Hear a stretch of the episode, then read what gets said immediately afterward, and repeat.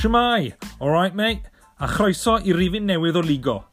Gobeithio bod chi gyd yn iawn ac yn cadw'n saff tu fewn. Ni'n pedwar yn aros adre unwaith eto wythnos ma ac yn recordio wrth wneud fideo col am y tro cynta. Ymddeheriadau am y safon sain a rai adegau o'r rhifin ma. Mae Ligo wedi bod yn trafod ein hoff grysau pil drod, yn gemau cynta a gemau cyfrifiadur yn ddiweddar, ond tro hyn yw'r tro cynta ni am drafod ddigwyddiad penodol am y tro cyntaf – Fi yw Ifan ac yn ymuno dy fi i siarad am Euro 96 fel yr arfer mae Rhodri, Rhys a Telor. Lads, ni mae drafod Euro 96. Ni'n mynd i wneud uh, yn absenoldeb pil droed. Ni'n ni, uh, wneud bach o nostalgia am uh, y twrnament ni'n cofio'n ifanc a uh, i fi, a fi'n credu i chi hefyd, Euro 96 oedd y cyntaf. Mae'n fi rhyw cofio, cofio rhai bits o 94, ond dim digon i weid bod fi'n cofio'r tournament yn digwydd, fi'n cofio'r final, fi'n cofio Cole Bethel, yn Euro 96, fi'n cofio'r build-up. A un o'r prif resymau, mi'n credu, oedd Lloegr yn cynnal e. Uh, nhw wedi curo Austria, Groeg, Iseldirodd a Portugal am y fraint i uh, hosto. A achos ni, yn uh, cymdogion ni dros y ffin, oedd e bob man ag oedd e. Fe hwnna ddwy'r un cyntaf chi'n cofio fyd? Rhys? Ie, uh, yeah, sicr. Yr un cyntaf dwi'n gofio. Dwi'n yn cofio'n byd o 94. Um, a ti'n ifancach am i gyd hefyd. Be'n ti'n telo? Telo rhyw rôl di yn y grŵp. Ti'n cofio 94? Ie, yeah, na, ddim really. Yr unig beth fi'n cofio yw'r sticker album Cymraeg cyntaf na nethon nhw. Ie. Yeah. Hwna'r un o'r unig beth fi'n cofio am 94 fyd, ond dwi'n rili'n gallu gweud, o oh, ie, yeah, fi'n cofio USA 94. Na, fi'n cofio oedd mam yn fel not o lawr yn results i fi a llenwi helpu fi llenwi mewn, ond ie, yeah, blaw yna. Ie, yeah, 96 oedd fi'n cofio actual ffwbol a cofio teimlo fe fel o gwmpas ti. Ie, yeah. Rodri ti fyd? Ie, yeah, ie, fi'n cofio bit yn bobs yn 94, ond dim fel, dim o actually watcho game yn fyw, a ti'n Bydde hwnna wedi bod yn gêm y cynnar yn y bore fyd. Na, na bydde wedi bod. Hwyr nos, ie, yeah, enwedig y gêm y mas ar yr um, West Coast. Mm. No, na, sa'n gallu gofio yna. So, ie, uh, yeah, Euro 96 oedd yr y biggie cynta, yn dweud? A, a mi oedd e boblan achos y Saeson, a specifically, mm. uh, Badil a Skinner. Uh, oh, yeah.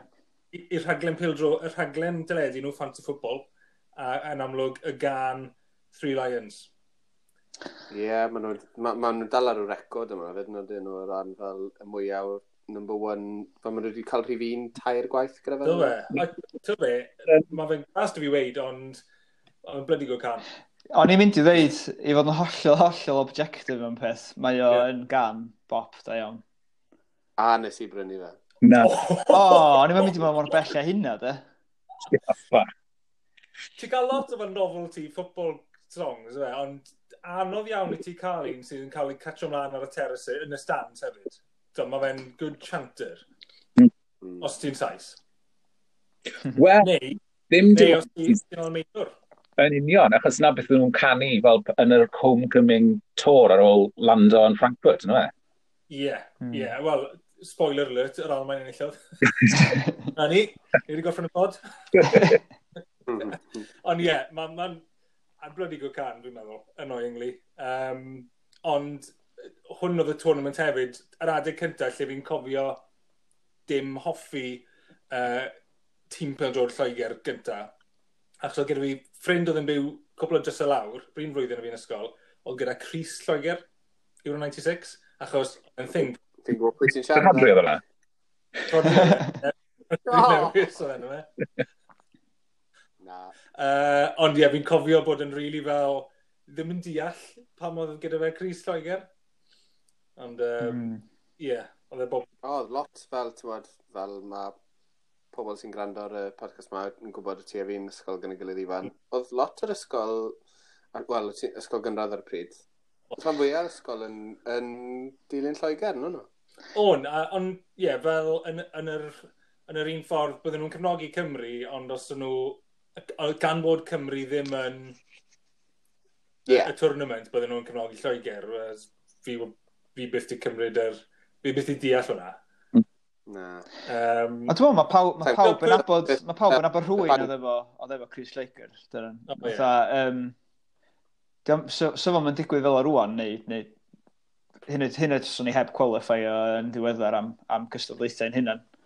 Um, dwi, dwi'n meddwl sy'n digwydd rwan, ond dwi'n meddwl, dwi'n meddwl um, efo'r holl beth yn, yn uh, Euro 96, oedd oedd Lloegr yn fatha ganolbwynt diwylliannol y byd ar y pryd hefyd, oherwydd cerddoriaeth a... Britpop. Ie, yeah, a um, celf, a o bob peth yn, yn, oedd Llundan yn wedig yn, yn, a Manceinion, y ddau gynywyllun Um, felly, oedd, oedd y ffaith bod o yn, yn Lloegr, oedd o'n, uh, dwi'n meddwl, dwi'n meddwl hynny'n rhywbeth i wneud efo hefyd. A fi'n credu hefyd... Uh, o, fi'n credu hefyd bod yr um, bod y wasg yn rhannu wedi chwarae rhôl really fawr, achos o'n nhw yn pwysio, oedd yn mid-90s na'n cyfnod y classic tabloid trash. Mm. Oedd e'n dechrau um, pethau fel Zoo a Loaded, Nuts, mm holl fel culture, lad culture na, oedd yn newid o fel hooliganism i fod yn slightly mwy culturally acceptable. So fi'n credu, yeah. na fel, yr holl cynnywair na yn golygu bod e fel constantly yn ddwyneb di. Mm. Wna, yn ôl i um, Three Lions, ond uh, llinell, fe llinell cyntaf gan yw so many jokes, so many sneers. O'n i'n mm. chwerthin ar hwnna gynnau, o'n i'n darllen nôl ar y lyrics. Chos ni fel, wel, nawr, byddwn i'n meddwl, jokes a sneers, Saeso fe, cynta i fod yn joke a sneer am bobl eraill. Ond fi'n cymryd taw beth fe maen nhw'n sôn am ydy, yw yr mental, y delwedd nawr gyda fans Pale George Lloegr o fod yn hooligans, I suppose, a bod nhw bod yn ddim yn culturally accepted? Wel, mi oedden nhw dal hefyd, dyna, dyna peth, jyst y, y, y, y lwcus iddyn nhw, oedden nhw'n Lloegr, so oedden nhw'n mynd i trasio fyny llefydd eu hunan ac oedd. Ie, yeah, oedd dwy flynedd cyn Marseille a nhw'n trasio mm. pethau lan y Ffrans 19. A o'n i'n wtio gêm um, Lloegr yr Alban nôl gyna. O, oh, ie. Yeah. A, a ni'n meddwl, flipping eco bod ti fas y stadiwm yn absolute carnage O, oh, ie. Yeah. Fel, mm. fel pobl yn cwmpa mas dros toilet paper fan hyn nawr. Ar ôl... Wel, oedden nhw'n cwmpa mas am toilet paper yn Wembley hefyd, dwi'n meddwl. Oedd erbyn, erbyn 2006 oedd y stadiwm ond dipyn o mes o beth dwi'n ddollen. Ond hefyd y ysgol. cwpl o Seisan yn cerdded mas yna'n gwisgo i urinals byddwn uh, I fi ôl i'r Pildrod, um, oh, yeah. hwn oedd y tournament cynta i 16 gwlad cystadlu yn yr Euros. Mhm. Mm. So gyda ti mwy o gyfle i fi mewn, gyda ti wedi dwblu o 8 oedd yn Euro 92 yn Sweden. So yn y gemau rhagbrofol, Cymru gyda chance da, nhw'n narwl i missed out ar uh, lle yn cwpan y byd 94. Gai i just jump mewn fan hyn a gweud, fi'n gwybod byddwn ni'n di cyrraedd Euro 2016 heb yr expansion, ond 16 yn berffaith i'r Euros. Mae fe'n tidy ydi. Yn wedig pan ti'n sôn am y tîm, mae trydydd trydydd safle yn y grŵp stage dal yn cael yeah. trwyddo. Mm. Exactly. A ti'n meddwl bod ti'n 16 nawr, bydde fe'n elite tournament. Bydde. Bydde. Bydde. Ta'n ni achwyn. A mae dot iawn hefyd, achos fatha, um, ia, yn, yn 96, felly, oedd y rhaid yn cael allan o'r grŵp, oedd yn enw quarter finals. Mm. Yeah. So, yeah. Oedd o'n... Quarter final, semi final, done. Yeah. Yeah. yeah. Cytuno, mae ma 16 yn, yn deud i neis, a o ran safon, yn cynnal rhyw fath o safon da. Um, yeah. So oedd Cymru, ar ben y ffaith bod nhw narwli missed out ar uh, lle 94, oedd nhw hefyd mewn grŵp lle oedd na doi tîm gyda nhw, oedd byth di cystadlu mewn qualifiers o blaen, sef Georgia a Moldova, byth di cystadlu ar gyfer yr Euros o blaen. Uh, Albania, a wedyn ni Bulgaria, oedd amlwg oedd gyda nhw Hirsto Stoichkov, oedd e yn ei prime ar y pryd, um, a yr Alman. Ie, yeah, uh, so, bydden nhw'n wedi bod... Ti'n chwarae? Beto? Chwarae mael, ie, yeah, ond, ond mae'r ail yn mynd trwyddo. Ie. Yeah. Well, well. Un yn mis o mas, ond yr ail yn mynd trwyddo, bydde ti'n meddwl bod ni'n gallu neud e? Hmm. A uh, beth ddigwyddodd? Wel, nethon ni definitely ddim mynd trwyddo, dyna. E? Nethon ni gachfag iawn ohonyn do. Nes, nes i wylio lights o pob un o Qualifiers Cymru drwy'n o'r blaen. My god. O'n i'n atrocious. Mae'n dod, yeah, highlights. Colli away in Moldova. Wel, Ciro nhw 1-0 gatre, gyda un gol. Um, colli 5-0 yn Georgia. O, hwnna, oedd y perfformiad yna yn hollol warthus. E, oedd e'n absolute disgrace. A oedd ti... Dim diddordeb na. A Cincladze a Afaladze. Ie. A wedyn, colli gatre iddyn nhw 1-0 gyda outstanding goal gan Cincladze to. Ti'n gweld, y gwaniaeth fyna falle yw Georgians, Gwlad Newydd, falch dros i annibyniaeth chwarae am y badge. Mm. Ar y pryd, y, y Cymru, so, pwy oedd yn Ie. Pwy oedd yn invested? O fi'n credu, oedd lot o hangover o 94 yna. Y siom mm. o golli ar, ar, ar y penalty yna. Um, a wedyn, uh, oedd y ti Smith fel rhywbeth o interim manager, kind of, not really. So, a wedyn, oedd ti'r tyrfeidd getre yn erbyn diwedd yn fel 8,000 a 6,000 yn ymware fel Georgia a Moldova yn y stadiwm genedlaethol, oedd yr holl mm. vibe o gwmpas Cymru just yn horrible. A rydym yn ysi Bobby fucking Gould. yn gold. A bydde hwnna, di, bydde hwnna yn reswm i fel o ti fan y sôn gynnau pan bydd pobl yn mynd i ddilyn Lloegr. Wel, ie, ie. Ond dim gyda ti'r red wall na prynu o fe. Na, ddim wa gwbl na. na fel mae'r fel ma hardcores yn atgoffa pawb. Doedd yeah. Red Wolf yn ni. Hmm. Yeah. Where were um, you? O'r grŵp stages, uh, o'r or qualifying group ni, um, o'n i jyst edrych ar y top scorers, Hrista Stoichkov di sgoro 10, a dyna pam oedd ei nhw wedi cyrraedd. Mm. Klinsman sgoro 9. So, tough, tough grŵp, a Bulgaria'n cyrraedd am y tro cyntaf pobl arall yn cyrraedd am y tro gynta. Swister, ond nhw beth wedi cyrraedd yr uh, Euros o blaen. Uh, mm -hmm. Twrci a Croatia am y tro gynta. A Croatia yn mynd trwy qualifiers yn curo uh, yr eidl yn yr eidl. Ti'n gwybod be, mae'r tîm Croatia o Euro 96. Arbennig. Hipsters wet dream. Mm. Oh, yeah. Wel, oedd Croatia a Gwyriniaeth Czech yn wledydd gymharol newydd ar y pryd hefyd, Dylan. So, oedd an... Gwyriniaeth Czech technically ddim yn cystadlu am y tro cynta achos o'n nhw wedi ennill efo Czechoslovacia yn 76. Ond, ie, yeah, mi o'n nhw um, fel y Czech Republic yn cystadlu am y tro cynta. Mm.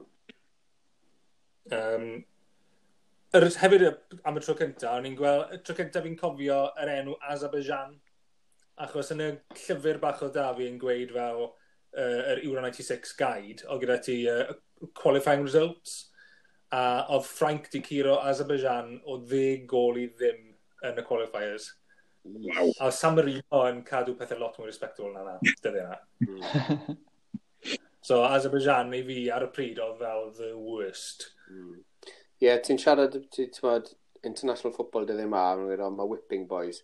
Mae lot llai dyddi yma. an. O, ie. Does dim, mae ma, ma pethau lot fwy cysylian na beth o'n back in these. Wel, pan o'n i'n siarad y tîm yma i Azerbaijan, na ddim rili'n really, gallu disgwyl result, o'n i, yn yr qualifiers diwetha. Na. Na, gwir.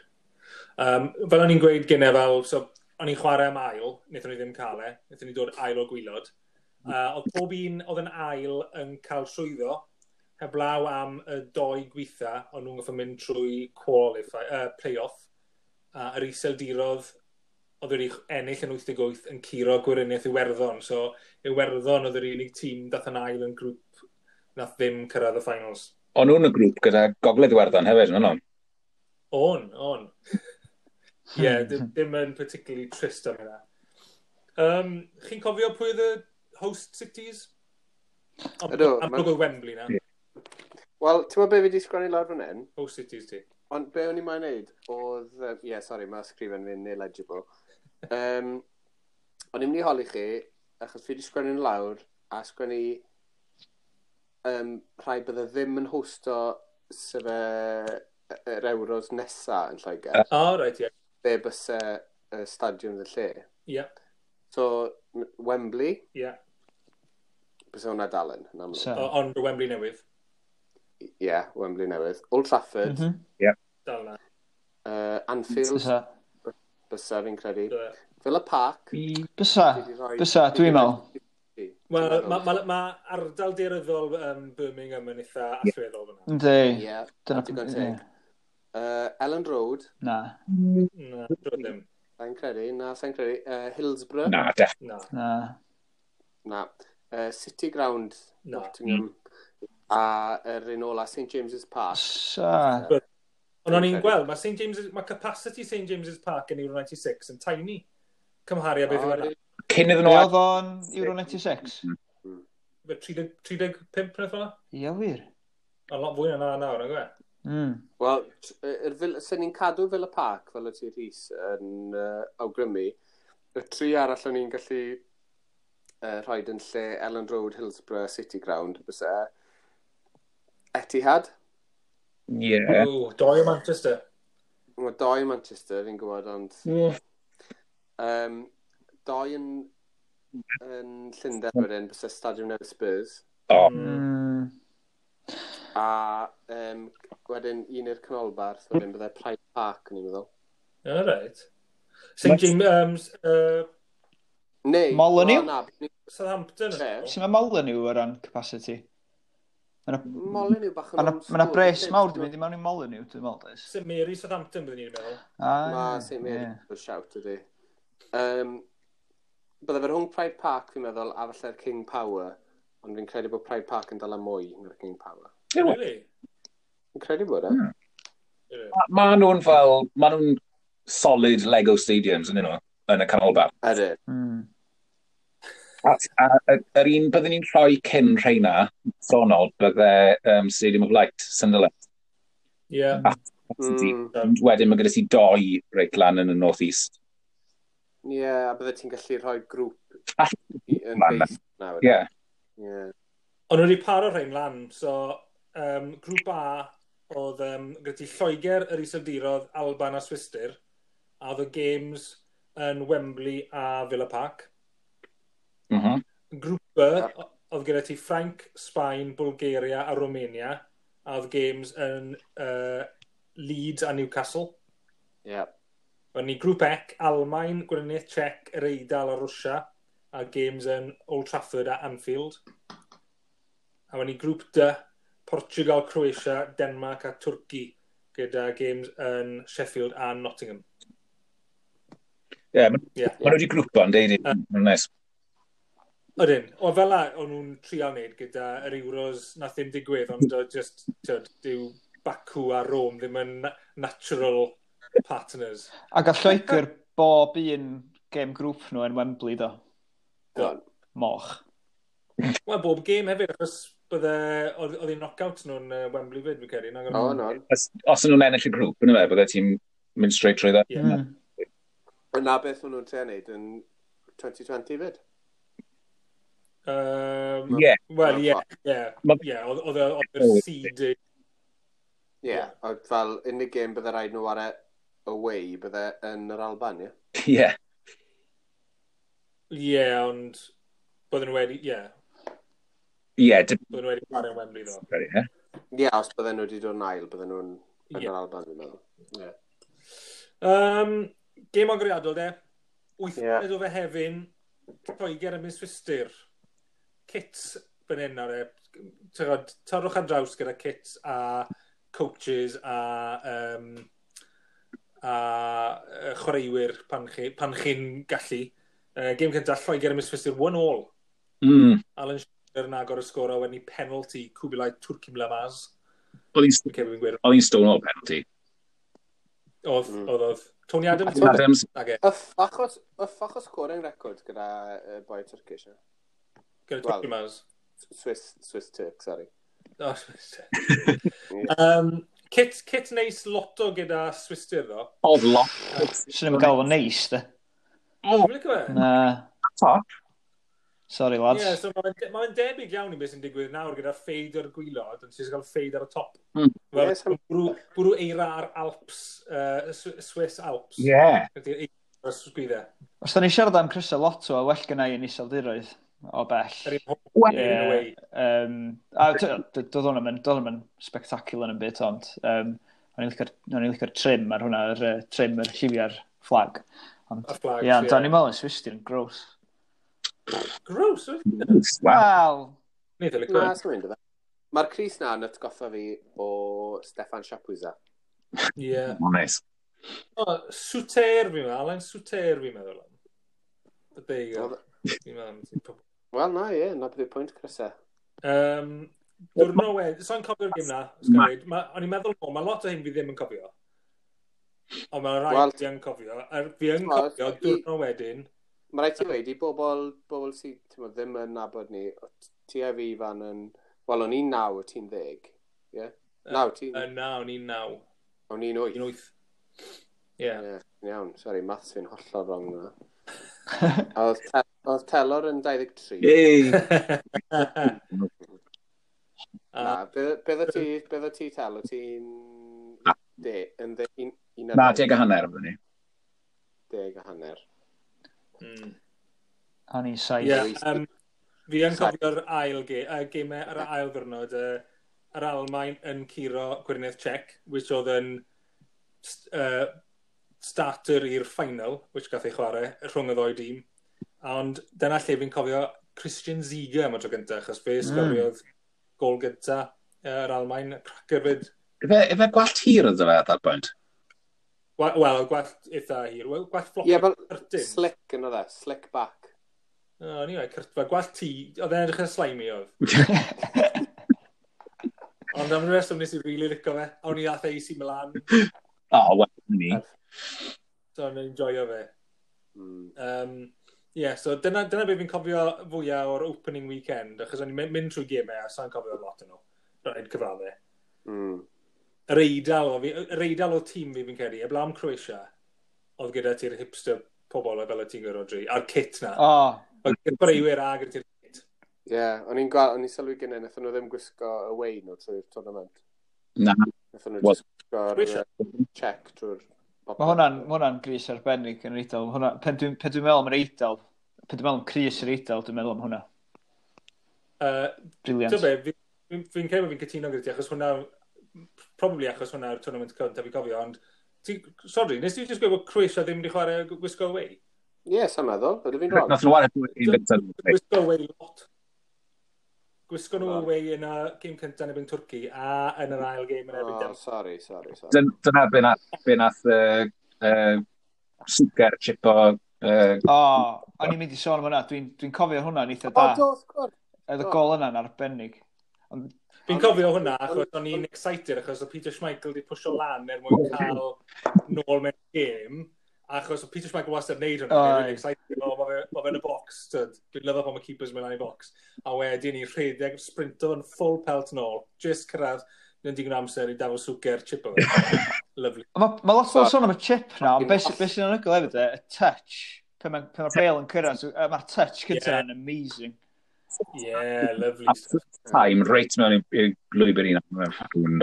If that was Messi, if that was Ronaldo, They've been going on about it. Mae'r oh, ma away kit na'n neis, achos mae fe'n win gyda y check lawr yr, uh, lawr yr ysgwydd. Ie, yeah, odi.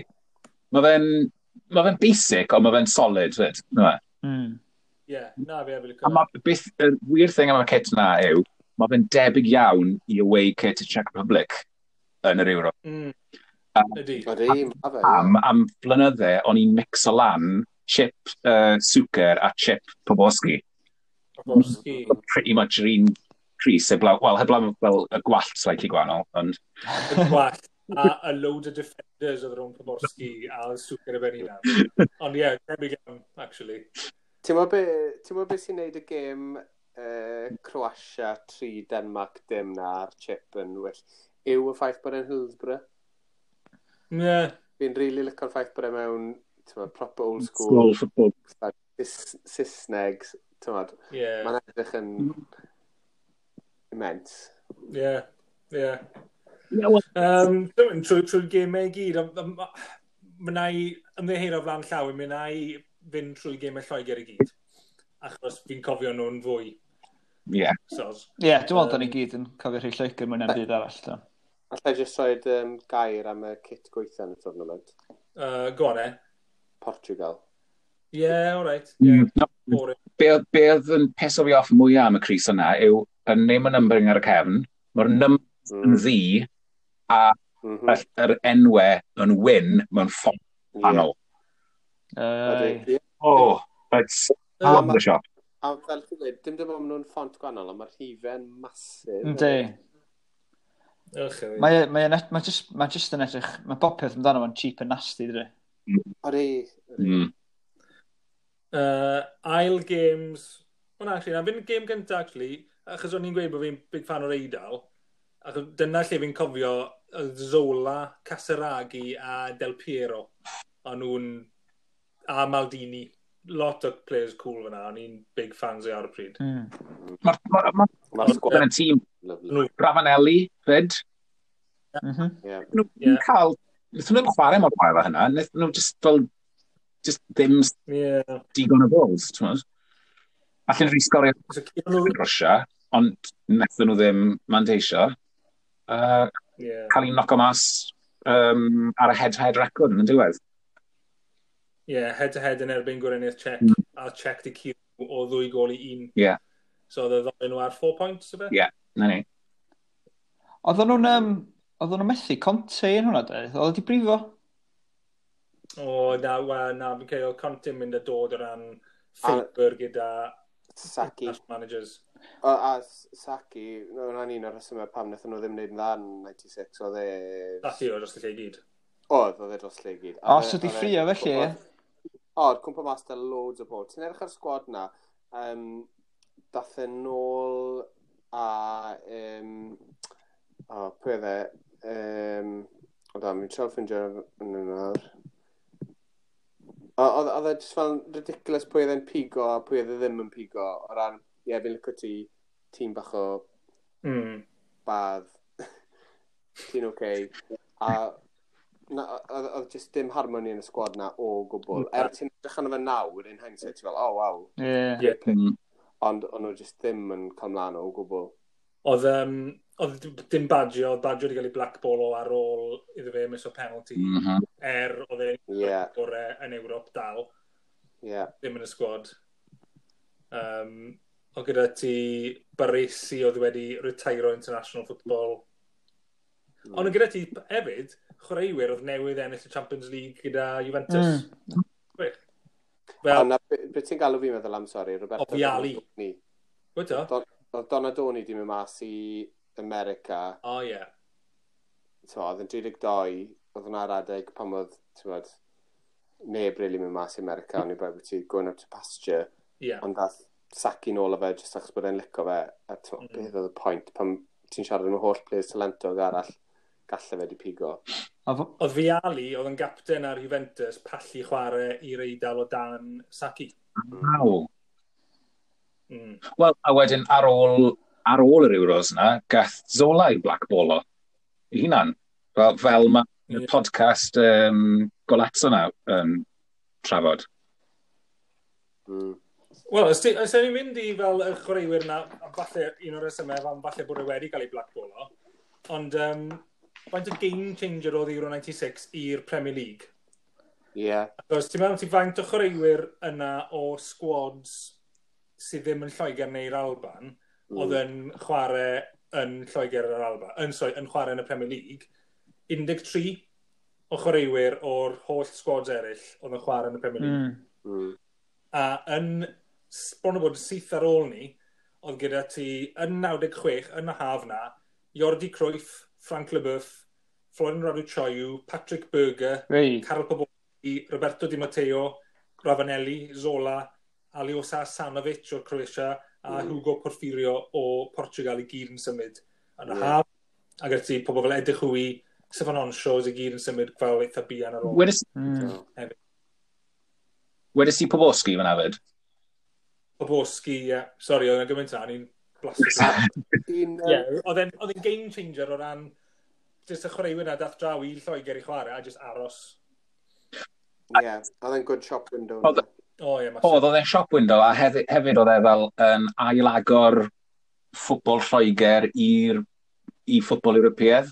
I mean, yeah. ar ôl y bam gathen nhw, ar ôl Heisel a pethau, do, nhw wedi bod yn chwarae yn Ewrop ers 5 mlynedd dweud, ond hwnna fath yeah. fel yr acceptance Ewropeaidd cyntaf o, o Bêl Drod Lloegr eto. Hmm. Ie.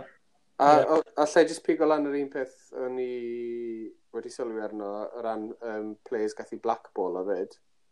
Pep Guardiola. Ah. Yeah. Fe a um, Clemente ddim yn uh, gweld eye to eye, so Guardiola ddim yn squad Sbaen.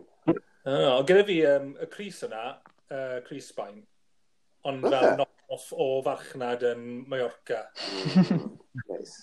Nes, gyda Rawl ar y cefn yn gyrru. Oedd ddim na, oedd e? Mm. Wel, oedd ond bydde fe wedi bod yn... Blwyddyn wedyn. Cedi Rawl o gyfer y cefn. Ond bydde fe wedi bod yn chwarae i Sbaen ar adeg yna, bydde fe? Falle ddim yn y tournament. Na, Oedd ddim gyda fi'r patch na ar ysgwyr. Wel, lle nath nhw gadw'r Cris na at yr um, Qualifiers World Cup wedyn. Achos, um, ie, nath nhw dipyn o, o um, ledys neu hynny. Do. Wel, dyna sy'n mynd arbenn digwydd fe. A, ti'n gwybod be, sgwad Sbaen yn Euron ar y chwech. Ddim yn star-studded. Na, o'n i... Oedd Sbaen ar y pryd dal yn cael rep o fod yn shit mewn major tournament, sef law nhw'n chwarae getre. Mm. Wel, o'n i... Oedd hyd yn oed Lloegr yn gallu cynnwyr penalties, so mae'r efo'n shit. Ie. O'n i sy'n... O'n i sy'n... O'n i sbio gyna ar... ar um, sgwad iseldiroedd, sgwad uh, lot o chwaraewyr ifanc yn y pryd yna nath fynd mlaen i fod yn uh, y brif ser yn um, sgwad 98 a jyst mel, oedd nhw wedi cael, oedd nhw wedi mynd allan dwywaith a gys, uh, gysiding hefyd, di mynd allan dwywaith um, o ddau tournament ar penalties. Mm. Dyna cof cyntaf fi o Clarence Seidoff oedd fe'n methu penalty. Yeah. Frank. Mm. A ti'n meddwl beth sy'n um, notable o'r cliw na, watch efo'n ôl, yw bod y ref yn gweithio fe i symud y beth. Ie, yeah, nes i, nes i sylwi hynna gyda, nes i weld, nes i weld y penalty eto gyna. Ie. Yeah. yeah. Mae'n gweithio fe nad yn digon da fyna, so mae'n symud e, wedyn mae'n ers fel bod yn twlu fe'n llwyr. Igen oed oedd o ar y pryd, Clarence Seidoff. Ie. Wel, so am Champions League, o'n nhw wedi bod yn y Champions League final, mm -hmm. a e-, e flwyddyn cynt, so mm. nhw on, bang on form, ty, o ran chwaraewyr.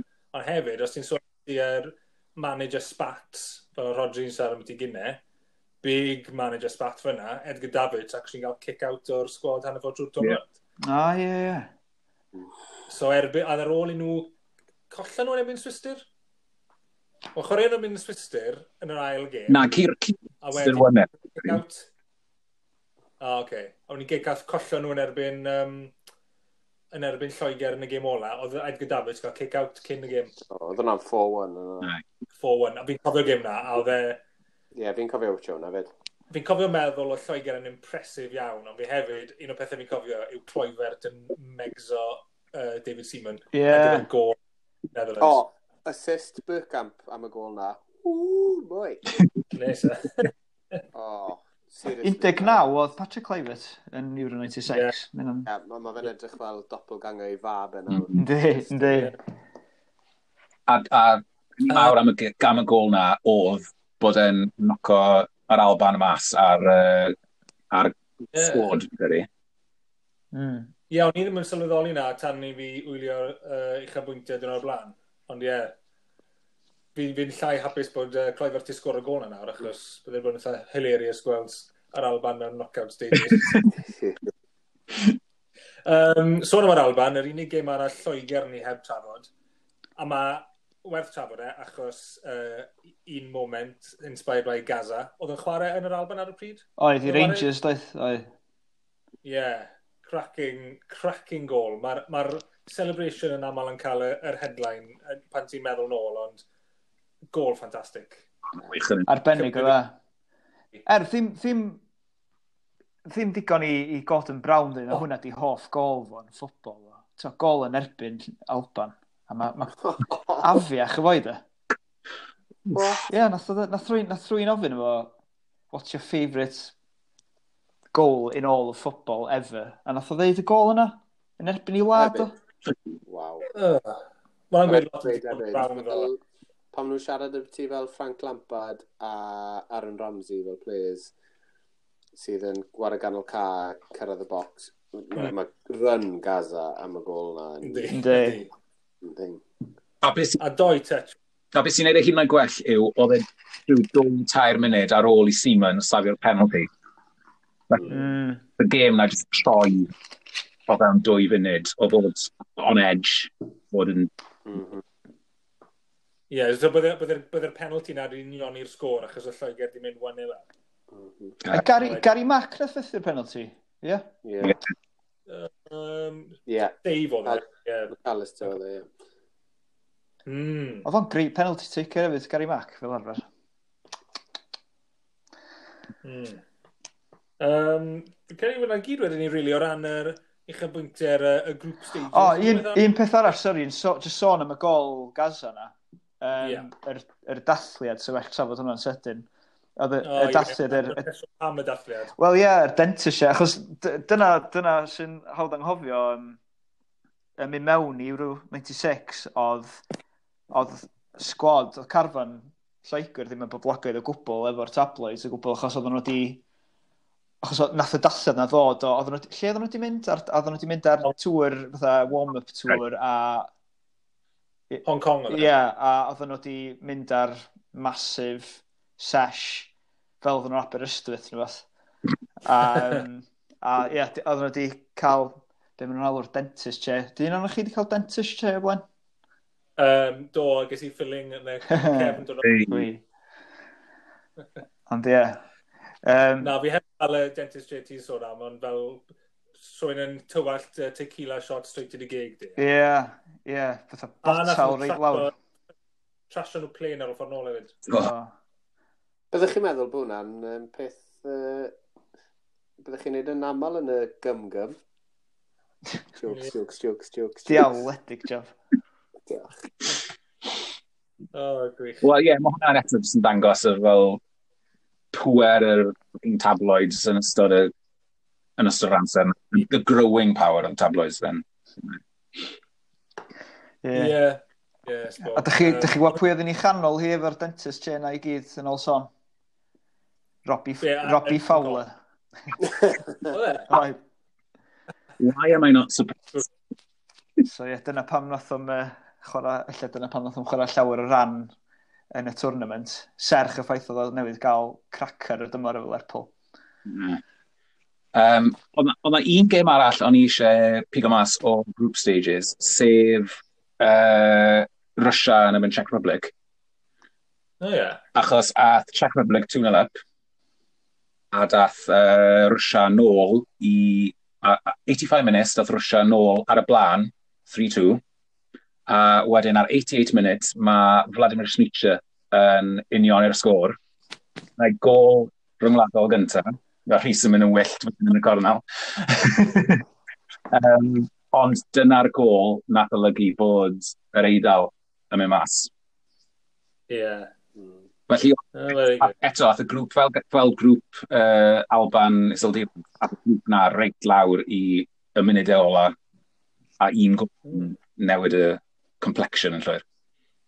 Mm. O'n nhw'n chwarae um, rhywun pryd? As, O, oh, maen nhw wedi bod ar y pryd, siwr. Er, yeah. anslws, mae rai bod nhw ar yr un pryd.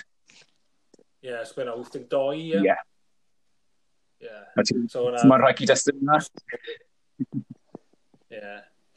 Um, so, group, uh, group stages done, knockout stages. Uh, cwpl o rhain mynd i penalties, ni wedi sôn am y ti iseldirodd yn colli i Ffrainc ar penalties yn barod uh, Lloegr yn curo Sbaen, a oedd hwnna yn enwog am uh, Stuart Pearce yn sgoro y trydydd penalty. Ie. Yeah. Ar ôl i fe golli uh, penalty yn Italia 90. Mm -hmm. Fe a Chris Waddle, efe? Ie. Yeah. Yn, y Germans. Mm. So wedyn ni, nath e redeemo hunan uh, fel bod um, rhywun arall yn gallu cymryd i le fe yn y, yn y semi wedyn ni, Gareth Southgate yn cymryd uh, villain spot oedd i wrtho fe. Ond oedd y quarter-finals a semi-finals, oedden nhw'n diawledig uh, i'r neutral, dwi'n siŵr. Um, Wel, yeah. achos, achos oedd yma naw gol o'r holl games na gyd. Yeah. Mae naw gol o'na. So, um, yeah, Wel, fi'n credu am hwnna yw y golden goal. Oedd yn golygu pawb on edge a yeah. ofni colli yn ofni ildio gol mwy nag o'n nhw'n yn barod i geisio sgorio gol. Mm. Ie, yeah, so hwn yw'r tournament cyntaf gyda golden goal.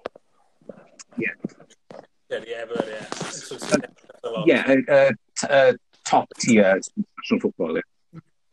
Ie, ie. y Major tournament cyntaf gyda golden goal. A, ie, yeah, fi'n meddwl, golden goal yn ffantastig, mae eisiau dod yn ôl. O'n i ddim yn mind o fe, Todd? O'n i... O'n i, fi'n meddwl. Yeah. Ond, basically, be nath nhw, nath nhw dod ar silver goal mewn, a ah. nath yn nesop. Do, hwnna silly. Yeah. O, pryd a silver goal mewn, yn Euro 2000? Si, na, 2002, efe? Incredible. O, da. Yeah.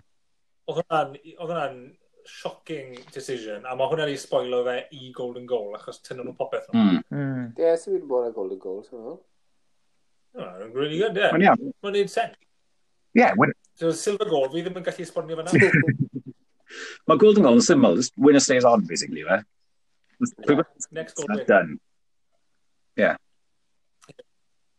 So ie, yeah, doi uh, quarter-final yn mynd i penalties, y ddwy semi yn mynd i penalties, a y final yn mynd i extra time mm. hefyd. Mm. Um, pwy quarter-finals arall ddigwyddodd gyda ti doi nath cael ei penderfynu 90, within 90 minutes. Mae dy ti so... um, Poborski yn curo uh, uh, Victor Baia. Gyda oh, shotters o'n hwnna, gyda ship hyfryd yna. Um, a problem ti weld trwy'r holl tournament na, bod just dim strike gyda nhw. Oedd dyn nhw, well, attacking midfielders hyfryd um, dechrau'r Golden Generation. Wel, Figo, Rui Cop, mm. Sapinto, players na. Ond oedd e, wel, dwy flynedd, blwyddyn, dwy flynedd yn rhy gynnar i bobl fel um, uh, Nuno Gomez neu Pauletta. Lle oedd ni... Pauletta, ie. mewn. Mm. Ti'n mynd chi lli gathu ti ar strike gan rwy costa trwy'r dydd, ydy? um, so ie, yeah, Germans yn curo Croatia oedd y cwtr arall, ie. Yeah. Yeah. 2-1? So wedyn, nhw mynd mlaen i chwarae yn erbyn um, yn erbyn Lloegr yn y semi a oedd Lloegr yn convinced bod nhw'n mynd i ennill y tournament a mi o'n nhw bron neud. O'n nhw gweld, o'n nhw bron cyrraedd y mm. ffainal. O'n nhw bron neud i dod. Yeah. Brilliant shootout. O'n nhw'n dal nhw'n ôl. Wel, mae ma pawb yn sôn am un digwyddiad mawr yn extra time yn y game. Yeah. Ond, yeah. fel, tia 5 munud cyn ni, mae Darren Anderton yn bwrw postyn. Yndi, o'n i'n mynd i sôn am hynna. Nes i hollol anghofio am hynna, slash ddim sylwi ar hynna blaen. Mae yeah, ma pawb yn mynd on am Gaza just yn methu'r o sleidio mewn fyna. Mae Manderton yn, yn hitio'r postyn o Pen Blanc Ridge. I mean, ddws yma y keeps yn cael yna anyway, really. Cock up y keeper o'r gadael o fynd o dan efo, ond dal. Ie, yeah, mae'r... Ma Ie, yeah. Gytuno, o'n i'm yn cofio Anderton o gwbl. Mm. Sick note. Ie. Yeah. Ond uh, o'n i'n wedi bod yn gwylio yr gasgoen moment a nôl a nôl. A bob tro fi'n meddwl bod e'n cael e. Achos mae fe'n mynd trwy tro de. Mm. Yeah. At the back post, sgorio fe, golden goal rules, bydden nhw wedi bod trwy ddoi ffenol. Mental. Mm. So chi'n gwybod yr um, thing na o um, ble o'ch chi pan? Ie. Yeah. Gol gol, ail gol Oliver Bierhoff. Y gol yeah. ennill yr ffainal. Ie. Yeah. Um, Fi'n gwybod yn union le o'n i. Chi'n chi cofio watcha fe? Ydw. Ond oh. fi'n mae fi'n rili really boring achos stafell fyw fi. Wel ie, yeah, adra oedden ni. Mae'n saith o'n ni. Lle o'ch chi'n pub? Fi'n dod o crybyn cofio, wrth gwrs fi. Um, Na, fi'n cofio, o'n i'n iste ar y gwely yn stafell mam a dad a o'n i wedi cael bath a mam yn hedrau o gwallt fi, i fi. achos, o'n i ddim eisiau gwneud yn hunan, achos bydd hwnna'n rhy distracting i'r ffwbol. So o'n i'n dweud, dad i fi concentrate ar ffwbol na ti'r gwall. oh my god. Yeah. Na, fi ddim yn... Na, dy stori fi ddim yn dda na. Fi'n wisio hwn, sorta ti'r gwallt, basically. oh, god. Mae'r moment yna, fi'n cofio gwylio fe ddo, achos oedd e fe fes yn digwydd yn slow motion o fe. O, ydy. Bwrw. Mae yna deflection i gael gynta. Os. Off-shot, be-off. Sa'n mwyn siŵr bod fe'n troi mor gloi. Na pa mae'r keeper mynd fel, oh, bai ti oedd hwnna, nid mae'n pwyntio ti yn o'r defender. Oh, ie. Clipor defender, a wedyn mynd trwy dwylo um, cop, cop, Copgun? Cooper? Cooper, na ni. Uh, a wedyn i triclo, mae'n mynd, ma o'n i edrych yn y nôl, mae'n digwydd yn lot cyflymach gwirio'n fe nôl, ond ar y pryd, oedd e fes fe'n absolute slow motion. Ie. Yeah. A just snico mewn yn y, reit yn y corner. Yn ymhen ni, oedd e wastad yn roiflo fe mewn i'r side netting. Ond fi'n credu oedd hwnna'n continuo... Um, mae gyda fi rili really record gwael yn cefnogi y tîm wrong mewn ffeinal. Um, fi'n credu bron o bod pob ffeinal fi wedi gweld major tournament, Euros neu World Cup, fi wedi bod yn cefnogi y tîm sy'n colli. Mm. O 94 tan... Wel, tan eriod, fi cedi. blaw, o na, 2014, o'n i moyn i'r Almain ennill yn uh, Brazil. Okay. Ond heblaw ni, o'n i ddim moyn i'r Almain ennill yn 96, achos o'n i moyn i'r underdog ennill. A wedyn ni, uh, anyway. So ni'n meddwl na lot o... Um, Wel, da chi'n cofio... O'na na big thing am Carol Poboski yn y, yn y tournament, doi, achos oedd... Oedd... Oedd lot... Oedd cynogi'r Man U meddwl oedd mynd i fynd i Man U, oedd cynogi'r Lerpwl meddwl oedd mynd i fynd i Lerpwl. A wedyn yn amlwg mm. o ddewis ma'n niwn diwedd. A, Yn amlwg. Wel, nath o'n wych, da. Um, ond, dda, um, dwi, ond, um, dwi'n dwi, dwi cofio, so mae'n siŵr oedd yna lot o, ie, yeah, mae'n siŵr oedd lot o bobl yn uh, cefnogi Czech Republic yn y ffeinal na. Oedd, oedd tîm na'n ffantastig, rwy'n. Mm. Oedd mewn tîm Patrick Berger, Ai. nath sgoro, nath e agor y sgorion ffeinal, a dde chwarae i Dortmund ar y bryd. Mm uh, cyn symud i Lerpwl. Ai, wel, yn, yn union, nathon ni gael, nathon ni gael burger oedd loads gwell yeah. yn clwb na fysa Carol Poboski di bod. Mm-hmm. Mm, me, falle. I love 360. Um, Poborski'n right journey mewn o fe. Nath e fynd ar loads o clubs gwahanol, Poborski. Mm. Um, Pavel Nedved, na sgor o'n erbyn yr Eidal, yn huge seren yn yr Eidal y byn diwedd. Yn um, gwisgo rhif pedwar yn y tournament yna. O fe? Mm.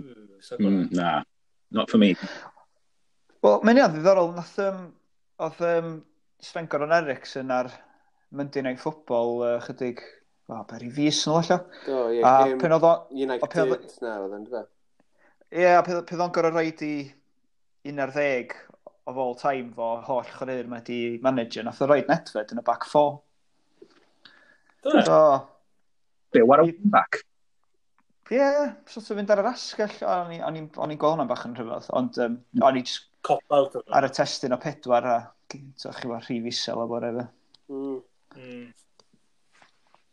Yeah, so unrhyw, unrhyw atgofion arall sy'n stico mas o'r tournament yna i chi? Crysa, dwi'n cofio, o'n i ddim yn licio Chris Almain ar y pryd, ond erbyn hyn, Dwi'n ffordd modd efo fo. Dwi'n meddwl mae'n ma gris arbennig o neis. I, I fi, o edrych nôl, hwnna yw'r unig gris sy'n sy, dal o lan heddi. Re, o syried y design a'r cut, a hefyd yr um, er ora gwmpas e, achos mae nhw ennill ar e. Yes. Mae hwnna da fi. Hmm. Yr cydal yma na? Da three-star i'r tîm dweud ar yn sti weld yn dweud. Do. Oedd fe'n ffito ti a telor, ond um, dim yn ffito fi rhaid o. Ie, oedd y crysau didas yn ddorol er y flwyddyn yna, yr er cwpl fynyddoedd yna, chos oedden nhw'n chwarae gwmpas lot efo collars, chos os ydych chi'n sbio ar um, Chris Spine yn hwnna, fatha'r nerw colar yna, oedd uh, Chris yeah. Newcastle United efo, a Chris Away Lerpwl yr un chwarteri, nath nhw golli'r mm. cup final yn. Oedd, um, ia, oedd, oedd Adidas yn arbrofi'n eitha ddiddorol pryd yna. Oedd Frank, Frank yn y tournament yna, efo'r gyda laces ar... Um, ar Ie, yeah, so, yeah. Dwi'n gallu meddwl am... Dwi'n e gallu meddwl am Chris ar ôl hwnna, oedd efo laces. Dwi'n lygo'r Chris uh, Turkey away, so oedd e, Chris home Turkey fel Frank gyda fel yr, yr tri Adidas thing mm yn dod dros yr ysgwydd yeah. a lawr y dan. Well, fel Frank Owen. Ie. O'n i Frank Home. Oedd yr oedd y wei Twrci wedyn yn hwnna gyda fel yr tri llinell y didas yn dod lawr o'r sgwyddau a un directly o dan y coler. Uh, wedyn oedd dew yn fel... Yn ffeido mewn. Ffeido mewn, ie. Yeah, fel ombre mewn i lliw y Cris wedyn. Fi'n joio. Dwi'n gwybod, dwi ddim yn dim Adidas oedd e, mae'n debyg i'r kit away Chelsea na, melyn gyda glas golen. Ah, hmm. ie, ie, ie. Ond ymbrodd. Ie. Ymbrodd yna. Ie. Um, un peth hmm. nes i edrych mewn i yn dilyn uh, Euro 96 gan bod, wel, i gymlynedd, so byddu fi'n nawr 24 mlynedd wedi bod ers yeah. Euro 96 uh, faint o chwyrnawd sydd wedi troi mewn i managers llwyddiannus. Mm. O, oh, ie. Yeah. A so, fi wedi troi nhw mewn i grŵps da, middling a gwael. um, a o ran da, sim lot, really. Fi'n gwybod nath, fi gwybod nath Matthias Sammer ennill y Bundesliga gyda Dortmund yn 2002. Fi di rhoi e fel middling. So, ie, yeah, middling sy'n ni'n gweud hwnna. Ie. Yeah. Rai da i fynd trwy'r grŵp, does da fi o grŵp A, Southgate. Ie, yeah, fair Marcel Coller o'r Swister. Um, mm. Fe yw manager Basel nawr, a fe oedd yn charge o Austria am yr 8 mlynedd fatha. O, oh, okay. So, eitha good run iddo fe fyna. Uh, grŵp B, mae da fi Bulgaria, Petar Hubchev, fe to rheolwr Bulgaria am rhan fwyaf o'r ddegawd diwetha, nawr mae fe Levski Sofia. So, Iawn. Fel context gwlad, mae hwnna'n eitha da. Uh, Frank, yeah. da fi Laurent Blanc, Mm -hmm. ennill, y lig, ennill gyda Bordeaux a PSG, cael ei saco straight ar ôl ennill y lig gyda PSG, sy'n ridiculous. A Didier Deschamps. Ie. Yeah. Mae fe'n ma fe y midling? Na, na, na, da. O, oce, iawn. Mae fe'n orau. Romania, yn context Romania, mae dy ti Dan Petrescu sydd yn manager Cluj ar y foment, a maen nhw'n un da yn Ewrop. Ie, yeah, maen All right. Ie, yeah, wnaethon nhw bito Celtic dwywaith yn y group stages o Europa League. A rwy'n Sbaen, Luis Enrique, oedd e'n ifanc iawn yn Euro 96. Yeah. Pwy fyna? Nes i mis, mis, mis, mis Luis Enrique. O, ie, ie. Um, na gyd stafio grŵp B. Grŵp C, um, yr Almain, bach cwpl o cafiat fan hyn. Mae da fi Andres Kupke, sy'n yn amlwg goalkeeper. Mae fe wedi bod yn goalkeeping coach yr Almain ers 2004. Mm. Mae hwnna'n yeah. warte, mae hwnna'n impresif. Freddy Bobic, e. Freddy Bobic yn sporting director gwych i Eintracht Frankfurt. Mm. Mae'r right. recruitment policy nhw yn anhygol. Um, Ffindo'r players mae bob blwyddyn. Mae'n anhygol. A wedyn Stefan Cwns wedi bod yn manager under 21s ers 2016. Mae... Uh, yn y 21s? Ie, yeah, yr Almain, ie. Yeah. Mae dy fi ddiddorol yn Stefan Cwns. Mm. Um, mae 25 cap i'r Almain. Mm. A dyna'r record am y fwyaf caps i'r Almain heb golli. Ooh. Ie, wir. 50 wins, 5 draws. Stefan Cwnt. Dew. Hmm. Storiodd e cwbl yn y tournament. Storiodd yn erbyn Lloegr, do? Yr equaliser? Lloegr. Uh, Llall o grŵp si wedyn i Rwsia, Stanislav uh, Cherchisov, sef manager Rwsia nawr. Ah, um, fe, byddwch, os chi'n gweld gwyneb, byddwch chi'n nabod e, boi tew, moel, moustache. Um, yeah. Down gyda manager. Um, yeah, well. A grŵp D wedyn, yr unig ddoi stafio grŵp D sydd yn cwmpa mewn i'r da categori yw Slaven Bilic. Mm. Yeah. A yeah. Paulo Sousa. Oh, gors. Yeah. Mm. Um, yeah, Cysio clywed rhai gwael Lloegr? Mm. uh, pob un arall, mae'n bod. Gary Neville, Gary Neville. Sol Campbell. Yeah. Sol Campbell, fi wedi rhoi asterisg y bwysau achos mae fe'n lig really sel. Robbie Fowler un peth, asterisg achos mae fe mas... Mae'n neud yn dda yn Australia. Mae hwnna'n oxymoron yn o'r Yeah. Shearer. Alan Shearer. Tony, yeah. Tony, Tony Adams. Adams Sherry. Collins. Collins, a... Yeah. Sheringham hefyd. Pwy na ddim e manager rhywun... O, oh, do, Stevenage. Stevenage. Yn iawn. Alla I just check Ens? Paul Ens? Ie, Yeah, Paul Ince, da fi. Alla I, nes ti weid uh, Zidane at any point hwnna, Rodri? A nes ti... Na, middling, i fe. Mid... O, oh, okay. Sorry. Tri Champions League. Tri Champions League. Granda, dwi e ddim yn boblogaidd. A record breaking. Na, dwi e ddim yn boblogaidd gyda'i players e. Oedd llawer Rochester yn ennill y Champions League, dyna? A hefyd, gallai Well, Terry Venables yn great man manager, ond dwi'n e un great manager. na, na, na, na, na, na, na. Galle, fi'n, tymod, oedd y tîm Real Madrid na fyd yn... Galle unrhyw'n dim mewn yn neud y job, fyna fi'n credu. Nath o Jose Mourinho ddim gallu ennill Champions League gyda Real Madrid. Ia, Mourinho yna. Defensive manager. Mm-hmm. Right. Yeah. Midlake. Um, ti ddim gweud Stuart Pearce i Lloegr o'n un y midling? Uh, nes i roed Pearce yn y midling, do. Achos mae'n twad, iawn. Fi wedi roed Phil Neville yn y midling fan afed, achos... Nid yn y reit i nan. Um. Hmm. Lot yn y canol fe di'r Alban. Colin Calderwood, Stuart McCall, Scott Booth, a fe yw manager Glasgow City. Tîm merched. Oh, right, Maen nhw'n yeah. dda. A Scott Gemmell, fe yw manager under 21s ar Alban. Right. Ers yeah. 2016 hefyd, so mae fe'n cwmpa mynd i midling. mm. Ren, uh, swi ar Scott, uh, Scotland fyna, Ren Jim Leighton, oedd o'n 37 yeah. yn uh, i 96, oedd o'n, felly oedd o'n 39 yn chwarae uh, World, World Cup, en... felly dwi. Oedd e'n chwarae ddo, Andy Gorham ond di gorym o siwn chwarae. Ie, yeah, gorym nath y save na yn erbyn, yr, yn erbyn Lloegr. Ie. Yeah. Yeah. Ond, yeah, great. Fi wasyn sort o'n anfyd. Gorham a, a Leighton. Ond nhw just... Old, just, yeah, generic old Scottish keepers pan oedd fi'n tyfu lan. just...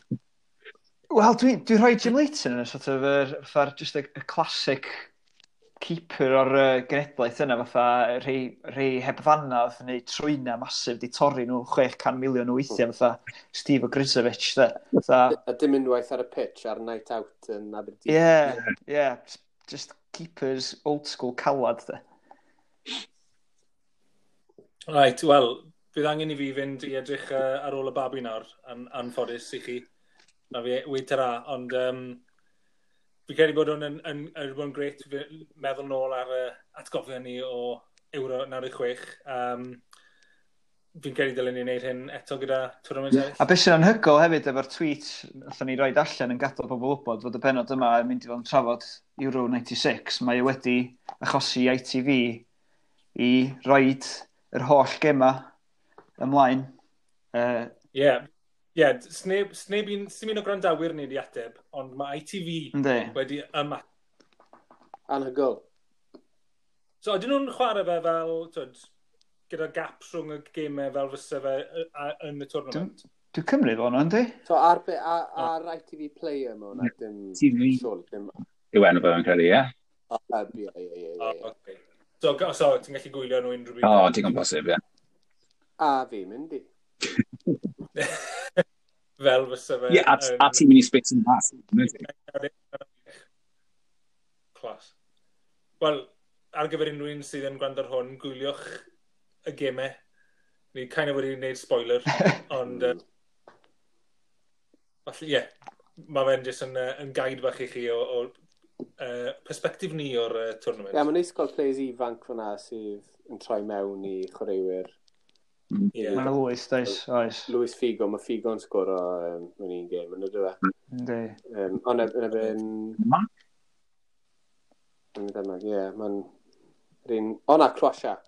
Ie. Yeah. O, gwrdd o'n gynnar yn ebyn Croatia. Gêm ola'r grŵp, ie. Yeah. Ie, yeah, achos gol ola Portugal un o'r gols gwyth yn y tournament lle mae... Oh, God, ie. Yeah. Centre half Croatia gyda free kick, mae'n sy'n cico fe mewn i chwarae o'r unan, a wedyn mae Portugal yn sgoro. Ie. Ugh. Shit 90s football.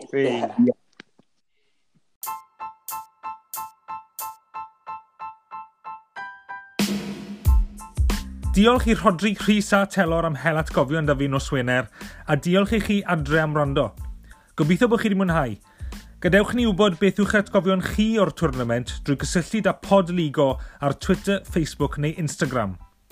Fyddwn ni nôl wrthnos nesaf i hel mwy o nostalgia gan symud ymlaen i gwpan y byd Ffrainc 98. Ond am nawr, hwyl fawr!